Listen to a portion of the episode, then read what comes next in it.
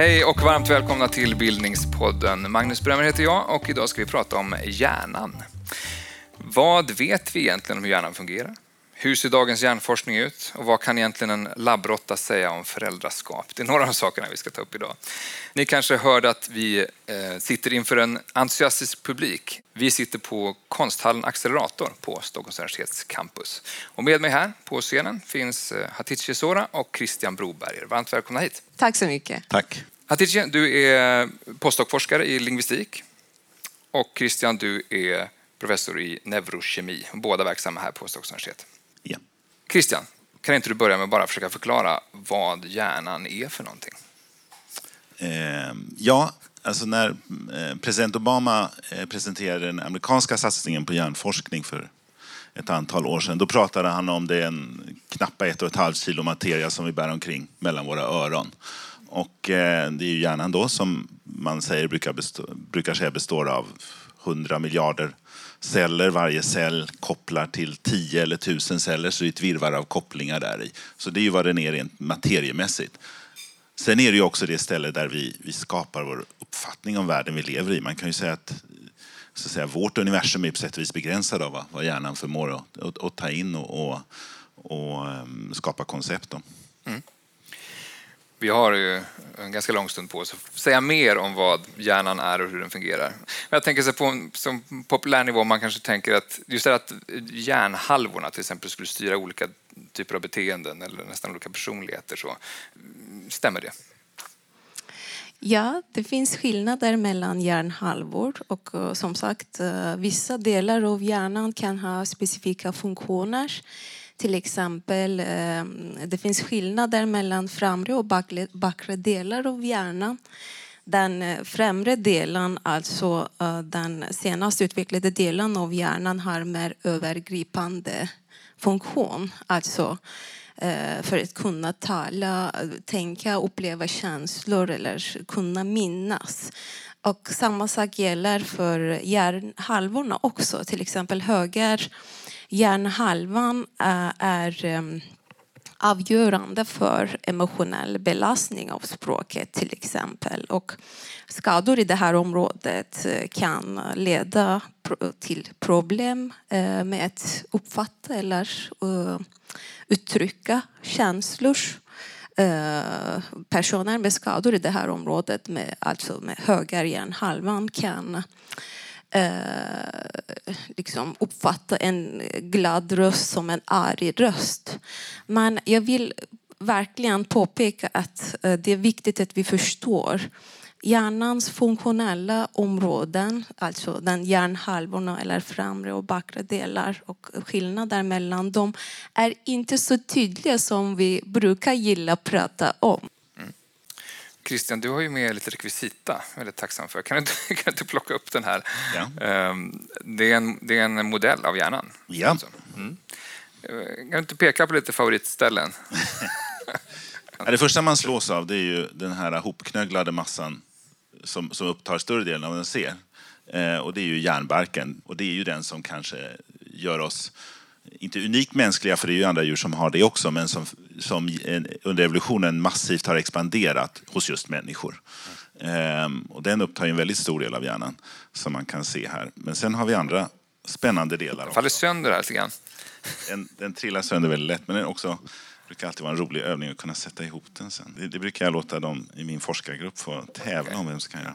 Så, nu har vi delat den i två bitar och så tittar vi in som man ska göra ett snitt rakt i mitten och titta in här.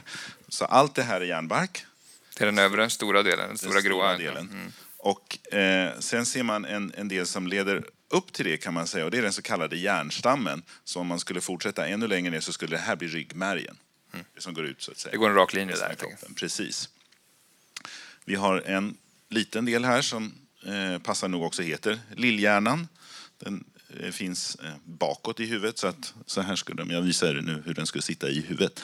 Så är den här gröna delen är lillhjärnan som man ofta har kopplat till eh, rörelse, koordination och motorik och sånt men som antagligen har många andra spännande funktioner också.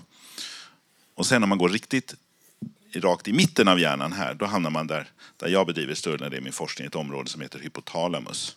Mm. Så här, och här har vi den, eh, ovanför det hittar vi den så kallade hjärnbalken som är där banorna går som förbinder höger och vänster hjärnhalva som Hatice pratade om också.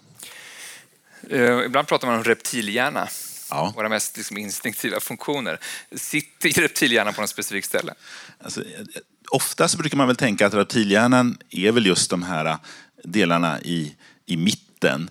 Eh, och det är de som har funnits tidigt i evolutionen och sen har man ju då eh, tillkommit järnbark och, andra delar och det är de som driver, precis som du säger, drifter. Eh, det är kanske inte just de regionerna man använder man tar hänsyn till andra människor utan det har tillkommit senare. Okay. Mm.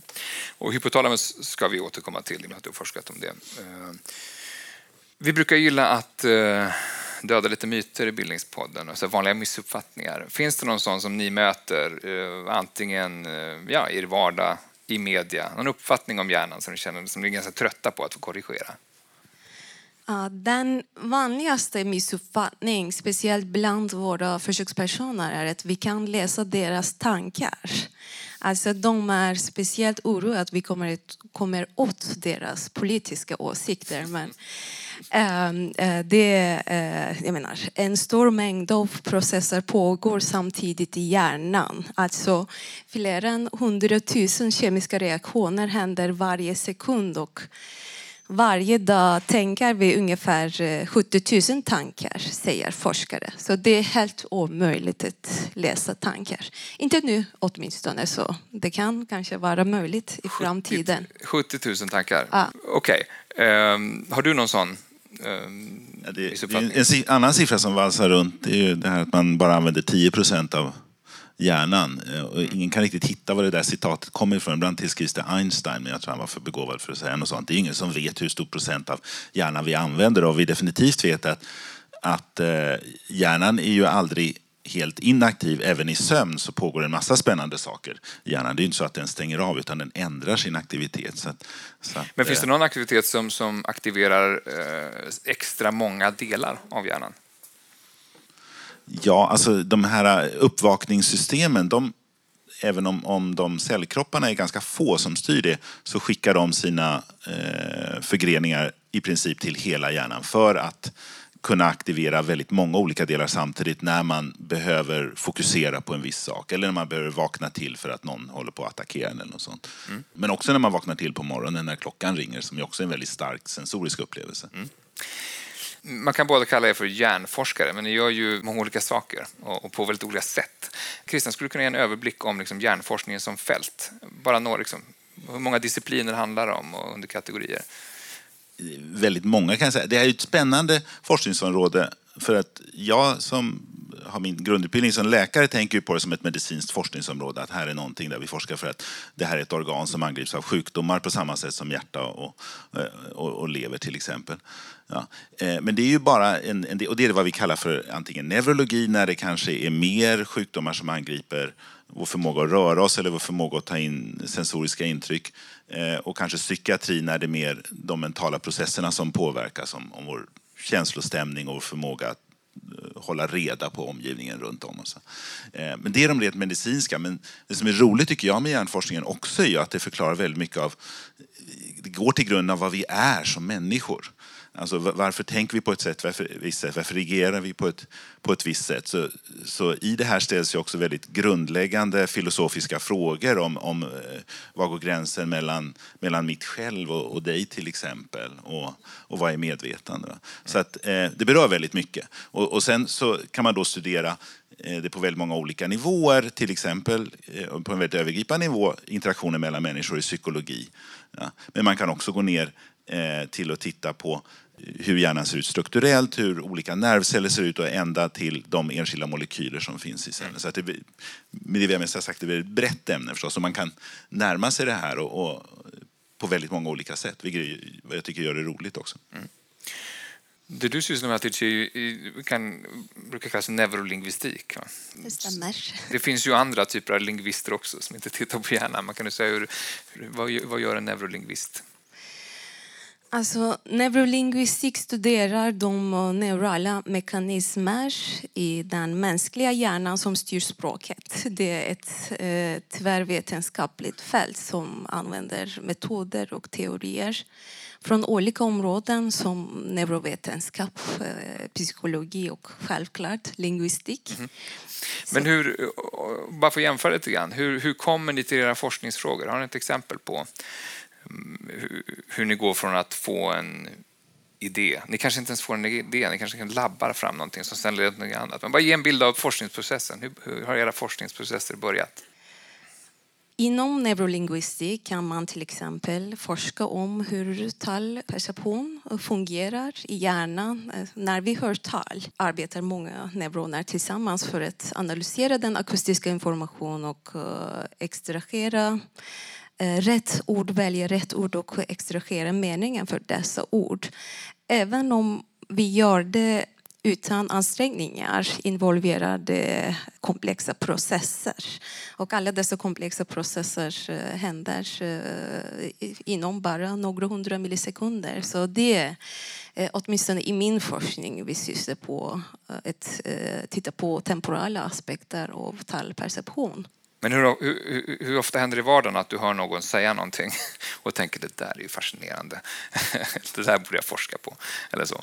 Någon språklig aspekt som direkt leder till, liksom, till hjärnan? Ja, det finns massor med sådana saker, men det, det, det, är en, eh, det är en lång process man måste verkligen bygga på, bygga på från teori till eh, experimentella paradigmer. Så det går inte tyvärr forska direkt, en intressant ämne. Så.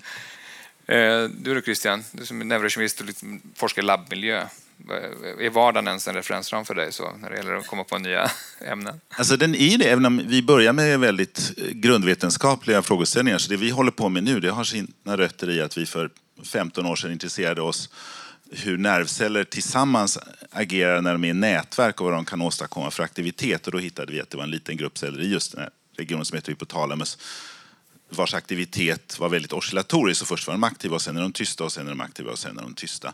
Det, det pendlar? Ja, det pendlar. Och, och, då var vi först intresserade, då brydde vi inte så mycket oss om vad de här cellerna är bra för, så att säga, för, för djuret eller för människan, utan vi undrar hur kan eh, celler skapa sån aktivitet utan att det är andra celler som driver dem. Ehm, och så började vi titta på mekanismer och förstå vilka, vilka egenskaper i cellmembranen, alltså cellväggen som det var. Men någonstans så, så uppstod ju då frågan så här, men just de här cellerna, varför beter de sig på det här sättet? Och, och, och, det har då lett vidare till att vi har kunnat identifiera för dem en roll i, i eh, att driva för, eh, reglera föräldraskap. Eh, andra celler har vi hittat en roll i, i hur de reglerar aggression och då dyker man upp på mer vardagliga frågor också som vi försöker angripa och förstå hur hjärnan åstadkommer. Som till exempel varför när man har varit i ett gräl med någon, varför man fortsätter vara arg så länge trots att den andra personen har försvunnit. Så det kan vara väldigt handfasta frågor även om, om vi eh, förstås studerar dem i, i, mest i försöksdjur. Och om du i ett sånt gräl förklarar för den andra varför den fortfarande är så fortsätter förmodligen grälet. ja, precis. vi har inte hittat någon magisk lösning på det. Okay. eh, hur... Ehm, eh, känner ni bland er forskning, som vi ska komma in på alldeles strax här, bland annat den här labbrottan som kan säga något om föräldraskap. Eh, eh känner ni någonsin att vissa frågor, nej, men den här frågan går utanför hjärnan? Den här, här har hjärnan ingenting att säga om. Tack vare nya tekniker kan vi eh, studera hjärnans mysterier men fortfarande den människans komplexa natur gör det svårt att se hela bilden. Så hjärnforskning kan ge bara en bit av hela bilden och, eh, och vi har hjärnan liksom som verktyg för att studera hjärnan. Så. Och, eh, vi vet inte om det går till exempel att skilja sinnet från hjärnans fysiska aktiviteter. Det vet vi inte. Mm jag, eh, jag i min forskning angriper gärna från en väldigt biologisk synvinkel för jag vill förstå mekanismer eh, för hur, hur olika fenomen uppstår i hjärnan. Och det är också ett väldigt praktiskt angreppssätt om man vill Eh, i, i sin forskning liksom kunna arbeta mot sig läkemedel och terapier och så. Det betyder ju inte att det är hela sanningen om vårt mentala tillstånd. Och det kan man ju säga, det är ju sant om, om flera forskningsområden. Man kan säga om man skulle studera mat så kan man studera på vad mat består av rent kemiskt. Man kan studera på vad mat utlöser för, för eh, upplevelser i, i hjärnan, till exempel i vårt smaksystem. Man kan också prata om mat som, som ett socialt fenomen och hur vi rör oss Så det finns ju väldigt många angreppspunkter. Eh, sen, sen, väljer vi två i, i, vår forskning två facetter av det. Liksom. Mm. Så det finns väldigt mycket mer. Mm. Vi kan ta lite fler konkreta exempel när vi vet mer om vad ni har forskat om specifikt. Jag tänkte du Christian kan börja. Eh, hypotalamus har du sagt några gånger nu. Kan du förklara vad, vad just hypotalamus gör? Alltså, hypotalamus brukar ju tillskrivas många av de där så kallade reptilhjärnefunktionerna. Det, eh, så den sitter i mitten av hjärnan, man kan hitta den även hos eh, djur som utvecklades långt, långt före oss, som ligger långt tillbaka i evolutionen, eller före oss i evolutionen kan man också säga. Så långt innan, innan vi fick hjärnbark och sånt. Det finns en amerikansk neurokirurg som pratade om om eh, hypotalamus som, som eh, källan till, till mänsklig existens och mänskliga drifter. Och sen la han till ovanpå vilken människan med mer eller mindre framgång har eh, byggt på en järnbark av hämning. Och vad han menar med det är att vi har alla de här drifterna som vill komma fram hela tiden men sen så, så har vi den här större delen av hjärnan lägger lite, lite broms på det så att säga. Men hur, vad tycker du är mest fascinerande med hypotalamus? Nej, men eh, det är ju det att den driver då, eh, de här basala överlevnadsfunktionerna som man brukar dela in i tre olika kategorier. Det är socialt beteende, hur vi interagerar med varandra. Och det kan vara aggression, men det kan också vara att man samarbetar. Det är födointag, så att man, man ser till att man får i sig tillräckligt med näring och reglerar den balansen. Och sen så är det reproduktion, eh, alltså förmågan att, att eh, göra mer av sig själv. Så att säga. Så att de här tre funktionerna tillsammans, de avgör om man överlever på jorden som individ och som, som, som släkte, så att säga. Så att, det är ju viktiga saker, tänker jag. Mm, ja. Eh, det här med föräldraskap, då, närvarande föräldraskap. Och, eh, säg någonting om hur den där forskningen började. Eh, alltså, den började lite av en, av en slump, ska jag säga. Eh, så det är vad vi har hållit på med senare tid. Det var för att vi ville förstå hur en del, det var de nervcellerna jag pratade om tidigare som hade den här oscillatoriska aktiviteten. Där vi ville förstå. Och då visste vi att de var eh, involverade i system som reglerar hormonfrisättning ifrån hypofysen, det överordnade organet i det eh, endokrina systemet. Då. Och framförallt reglering vad är, vad är det för system? Kort eh, det är det som utsöndrar hormoner. Eh, som är så att säga, det andra stora kommunikationssystemet i kroppen parallellt med med hjärnan som, som får vävnader att kommunicera och prata med varandra. Och framförallt reglerade de här cellerna ett hormon som heter prolaktin. Och, eh, prolaktin är berömt eh, för, eh, och döpt av det faktum att det kan stimulera eh, bröstmjölksproduktion hos mamman och det driver också en mamma en massa av de så kallade maternella funktionerna, alltså mammans förmåga att ta hand om, om, om sina barn eller eh, avkomma, man pratar om råttor. Då. Men de här fenomenen vi hade hittat hade vi hittat i just handjur, vilket innebar att skulle det finnas någon roll för det här så, så måste den vara relevant också för hanar. Och där hade prolaktin ingen roll, trots att, att hanar och, och, och män gör prolaktin. Det verkar som de bara frisätter dem under, under andra betingelser än, än, än, än kvinnor. Men ni hittar en skillnad mellan eh, råttpappor och muspappor? Ja, alltså det, det, började med att det här eh, speciella beteendet hos nervcellen, de här oscillationerna, de, hade, de såg ut på helt olika sätt hos råttor och möss. Och då funderade vi, finns det något annat i råttor och möss som skulle kunna härledas till det här? Och då visade det sig när man tittar i litteraturen och vad vi också kunde se i våra egna fynd att, att muspappor och råttpappor förhåller sig på helt olika sätt till sina ungar. Där muspapperna Eh, om de hittar ungarna i buren så kommer de att samla ihop dem och bygga ett litet näste över dem och sitta över dem. Precis så som mamman gör. Om än lite taffligare ska sägas förvisso. Liksom. Men, men de har instinkten att vilja göra det. Medan eh, råttpappan ignorerar sina ungar, låter dem ligga kvar i buren och ägnar sig åt annat. Och, sådär. och då visade det sig att, att det kunde vi koppla till beteendet av just de här nervcellerna som i sin tur ledde till skillnader i frisättning av det här hormonet prolaktin och prolaktinets verkningar på olika delar av hjärnan som styr föräldraskap. Mm.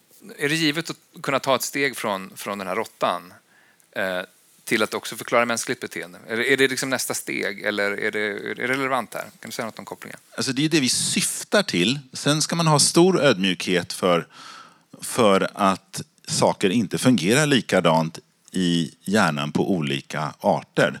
Eh, Djur ser ju annorlunda ut. Eh, egentligen, först blev vi förvånade över att råttorna och mössen bara betedde sig annorlunda. Men det är klart, tittar man en råtta och möss kan man ju se vilken som är vilken. Det finns ju skillnader mellan djur. Va? De är ju inte samma djur. Och på samma sätt så finns det ju skillnader till människor. Men vad den här sortens forskning gör är att den producerar frågeställningar. Vi kan säga, ser det ut så här i människor?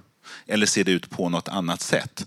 Och eh, nu vet vi nu har vi ingångar där vi vet vad vi ska leta i hjärnan, i människohjärnan efter system som skulle kunna vara inblandade i föräldraskap hos pappor. Eh, och vi vet nog också lite vilka molekyler vi skulle kunna titta efter som skulle kunna ge en antydan om huruvida man är mer inblandad i föräldraskap eller inte. Så det, jag skulle säga att det genererar frågeställningar. Mm. Och eh, om man får återkomma till då, om, syftet är att, att eh, åstadkomma behandlingar så, så, så, här kan vi ju göra experiment som vi inte kan göra i människohjärnan också. Nästa fråga, är, som kanske också går ner lite grann på, på humanoraområdet, om man får säga så, då, eh, är, är, kanske när, hur, hur uppstår den här skillnaden? Så att säga?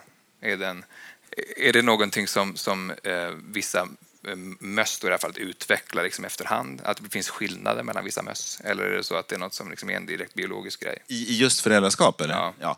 Alltså vi tänker ju att i råttor och möss är föräldraskapet kanske mer rent biologiskt medan hos människor så har vi en social struktur också och kulturella skillnader. Och, det spelar ju minst sagt in också. Det kan vi ju säga att det finns skillnader mellan kanske olika länder och olika kulturer hur man förhåller sig till de olika könens inblandning i, i föräldraskap. Ehm, det finns inte och, och den är ju svår att studera i, i, i djur. Där, utan där känner vi att vårt bidrag kan vara den, den biologiska aspekten och sen måste det, för att få en total bild av hur de här processerna går till, så måste man ju ha en integrerad bild där man tar hänsyn till allt det som, som får oss att bete oss på ett visst sätt. Men när du är ute på konferenser och så, eh, är, det, är, det breda konferenser där olika sådana här perspektiv diskuteras eller är det framförallt de medicinska liksom, aspekterna? Så?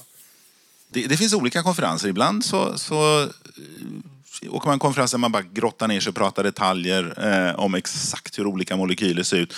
Och ibland åker man på andra konferenser där man så att säga, vidgar perspektiven och, och, och försöker prata med varandra över olika discipliner. Och, och eh, man försöker väl skapa sig en liten blandad meny i sin konferenskalender av de här mm. olika mötena. Men det kanske också hjälper att veta vad man ska leta efter i projekt som pågår? Exakt, ja. Mm. Eh, ni har tittat på råttmammor också och aggression. Säg något om det. Där har jag faktiskt tittat på möss, ska jag säga. Jaha, förlåt. Eh, kanske inte låter som så stor skillnad. Men men eh, eh, när det gäller aggression, då var det så att eh, när man tittar på möss så är den klassiska modellen för aggression i mus, det är att, det är att man har en mus som bor ensam i en bur och, och sen så släpper man in en inkräktare där och då eh, uppstår oftast en, en, konflikt om, om utrymmet och sen så kan man då studera den aggressionen och sätta lite mått på det. Va? Det här fungerar jättebra när man gör det med två mushanar. Gör man det med två mushonor eh, och framförallt unga honor så ser man väldigt sällan aggression, i princip aldrig. Eh, men det här förändrar sig när eh, honan har blivit mamma. Eh, och då, då finns det en väldigt stark aggression istället som ofta är mer eh, våldsam kan man säga tar sig uttryck i, i hur de slåss. Så att säga. Och, och det där är en frågeställning vi hade. Hur, hur slår hjärnan om till att inte så att säga, ta till aggression när det, när det dyker upp någon i buren till att, att vilja göra det. Och, och är det skillnad mellan honor och hanar i vilka system som aktiveras? Då? Mm. Det är frågor som ni potentiellt sett skulle kunna gå vidare med? Eh, ja, ja, den har vi faktiskt lite svar på redan. Men det, okay. den, den, kommer snart kan. Du vill inte säga det, är samma, det är samma system kan jag säga. Så det, okay. det är en intressant fråga. För, för det finns ju den här frågan om, om män och kvinnor Eh, eller honor och hanar om man pratar om möss, har helt olika hjärnor. Eller om det är så eh, att, att man så att säga skapta på, på olika sätt. Det som vi har hittat och som är i linje med en, med en framstående amerikansk forskare som heter Katrin Dulac, det är snarare så att hjärnan ser ut likadant, eh, så att säga, planen finns där. Eh, men att man aktiverar de här olika regionerna som driver specifika beteenden vid olika tillfällen i livet när man behöver aggression. Musmamman behöver sin aggression för att skydda skydda sina ungar. Eh, för en, en främmande mushane som dyker upp kommer försöka äta upp dem. Så det finns goda skäl för den här aggressionen.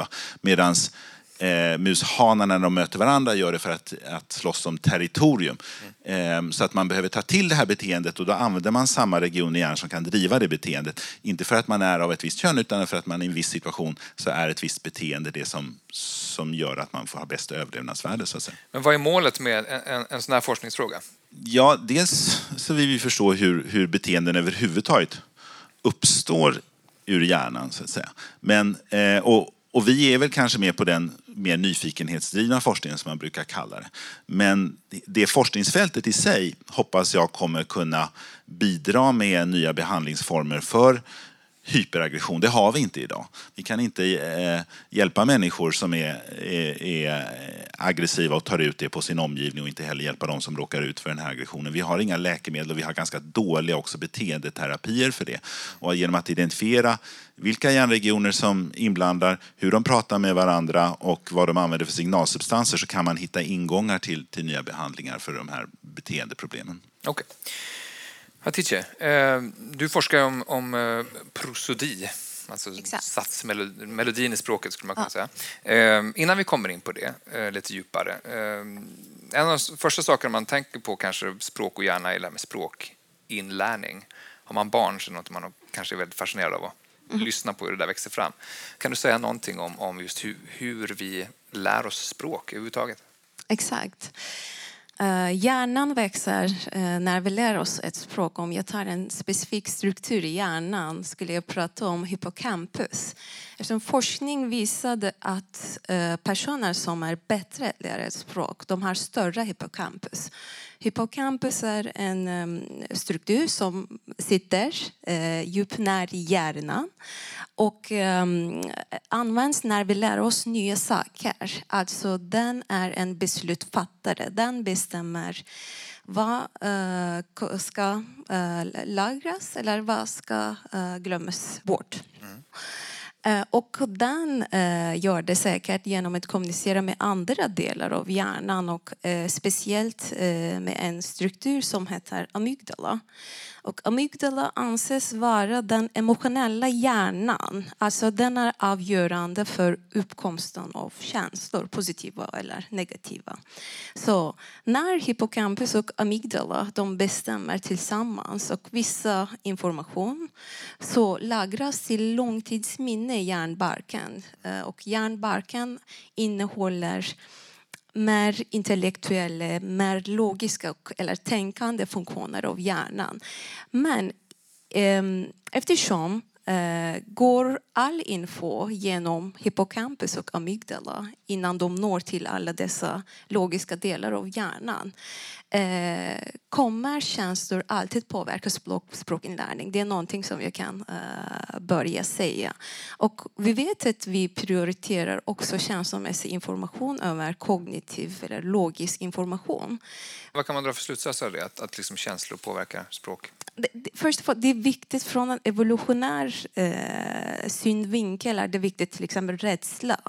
Den ökar vår överlevnadschans eh, i en livsfarlig situation. Och känslor kan vara så starka så de kan uh, minska kognitiva förmågor. Alltså de kan ta bort uppmärksamhet från pågående, pågående kognitiva processer. Det är därför att vi kan inte sluta skratta i en situation där vi måste vara seriösa eller tyst.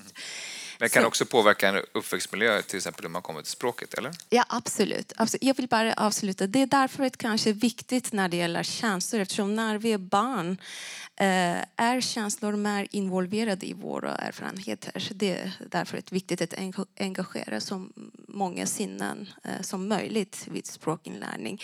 Men ja, absolut, miljö eh, och som i alla andra typer av inlärning motivation och intresse, alla dessa påverkar språkinlärning.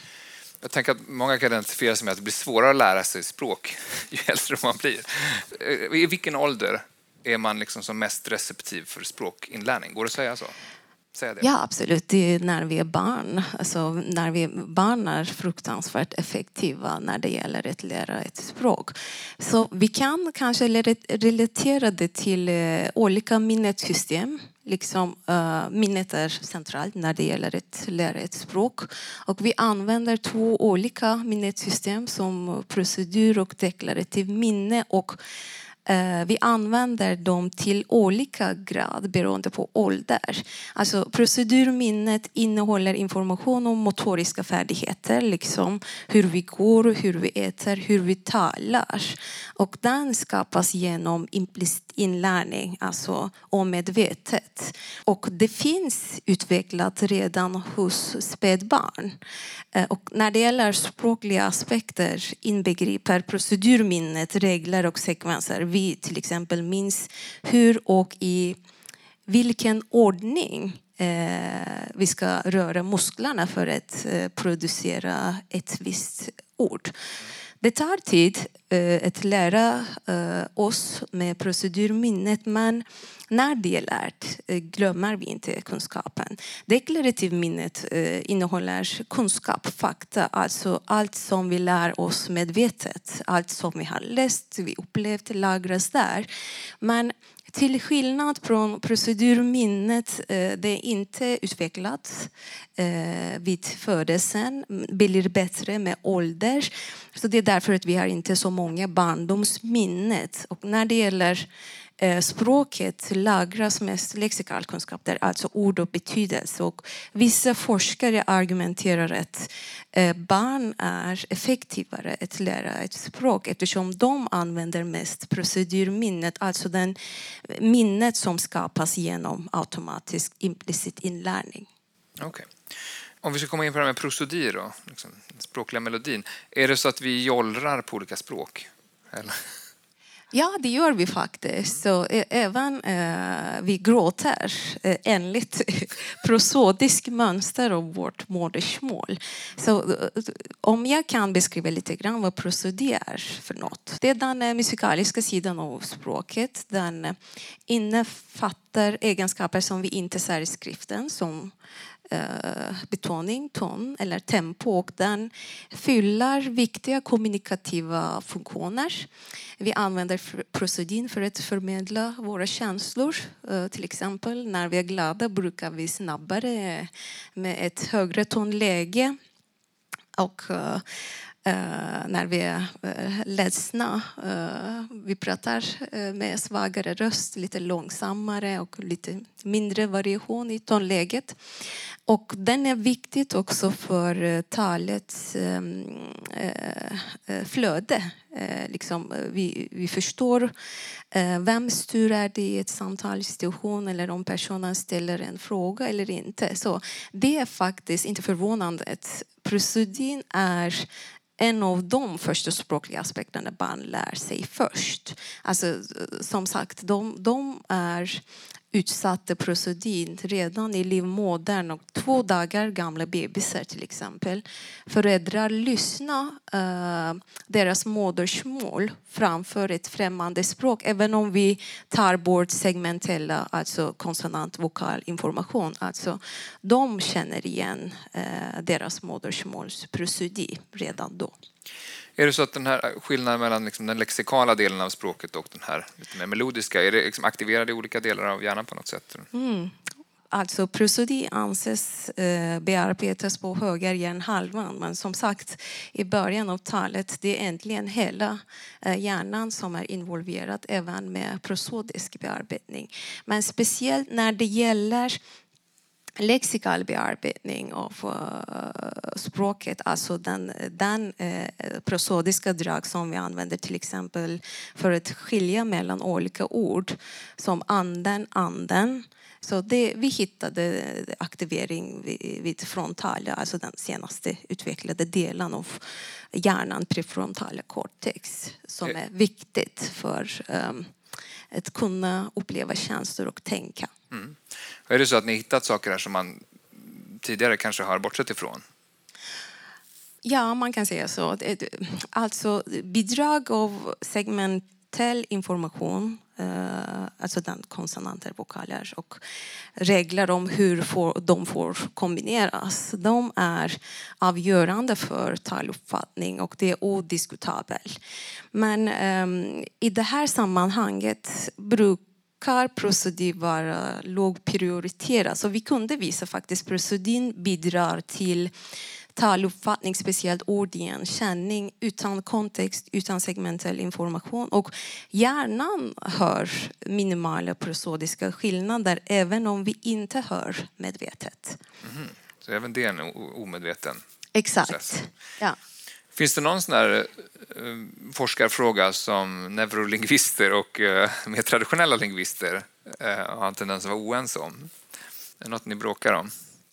Nej.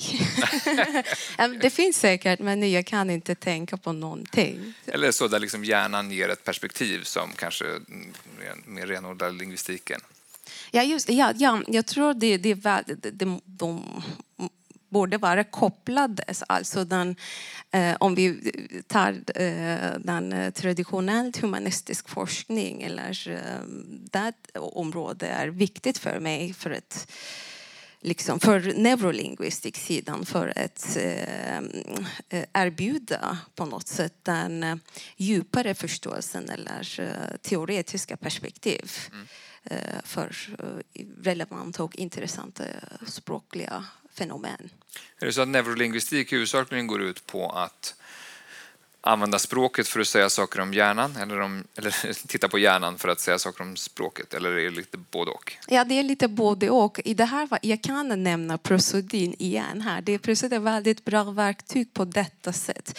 Eftersom, apropå igen, eh, funktioner av prosodin. Prosodin är väldigt viktigt för att förmedla eh, känslor och primitivt ursprung, man kan säga så, som skratt och skrik. Och samma eh, prosodin eh, förmedlar också kognitivt avancerade funktioner som semantik och pragmatik.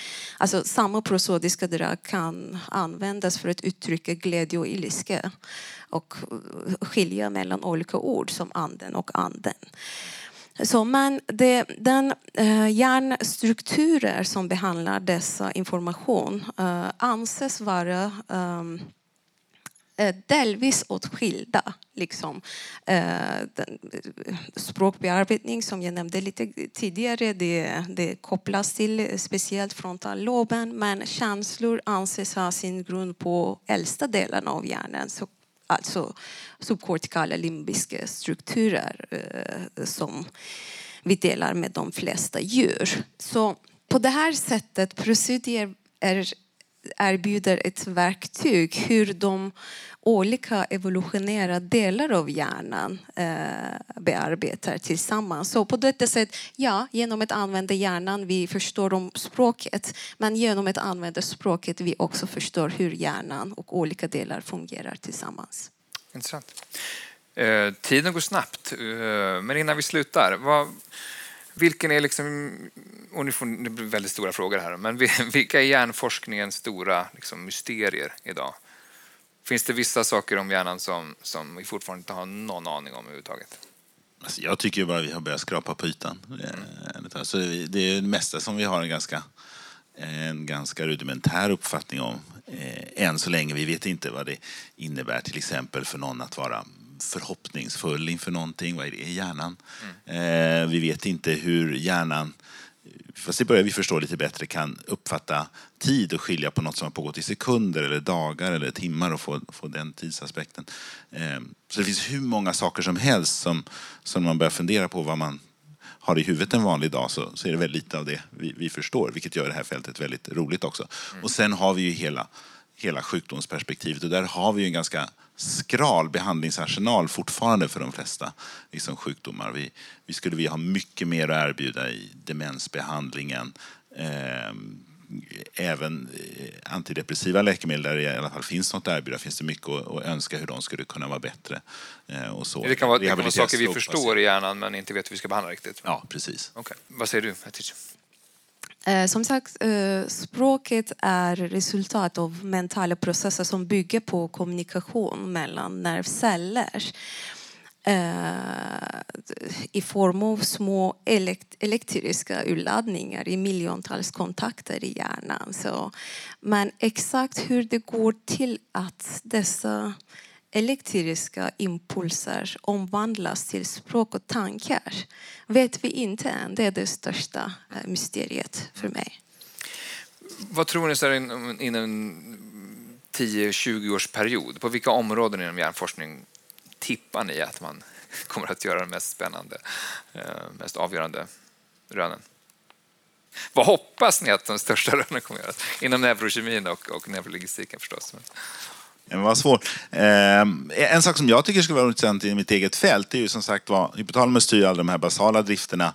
Eh, den kan driva aggression, den kan driva eh, hunger, att man äter, den kan driva eh, parning mellan djur. Vad vi inte förstår är hur hjärnan bestämmer sig för vad man ska fokusera på i ett visst tillfälle. För det är ju tre olika, ganska radikalt olika saker att välja mellan och ofta utesluter de varandra. Man kan bara göra en av de sakerna åt, åt gången så att säga. Så hur, hur tas det här beslutet att, att nu är det säkrast för din överlevnad att du ska slåss med den här eh, cellen som kommer emot dig eller att du ska greppa efter den där semlan som ligger där. Och, och, och, hur tas de där besluten? För ibland gör vi väldigt irrationella beslut så det finns en intressant fråga för att, att, förstå varför vi beter oss som vi gör. Vad säger du Yatit? Um, alltså I början av uh, samtalet uh, nämnde jag att um, det, den forskning, tidigare forskning var baserad på språkstörningar som i sig kopplades till hjärnskador. Och, uh, tidigare kunde vi titta på uh, hjärnskador ordentligt först efter personen avlidit. Mm. Men tack vare den nya tidens avancerade teknologi kan vi studera hjärnan uh, alltså utan kirurgisk ingrepp och hos levande personer med eller utan språkstörningar. Och uh, jag tror det, det, blir ännu mer utveckling i uh, avancerade teknologi när det gäller hjärnavbildning och uh, Eh, det finns massor med saker att lösa när det gäller språk. Mycket hjärnforskning kvar att göra, kort sagt. Tusen tack alla ni som kom hit idag, ni som har lyssnat på det här i efterhand. Men framförallt stort tack till Hatice Sora och Christian Broberg.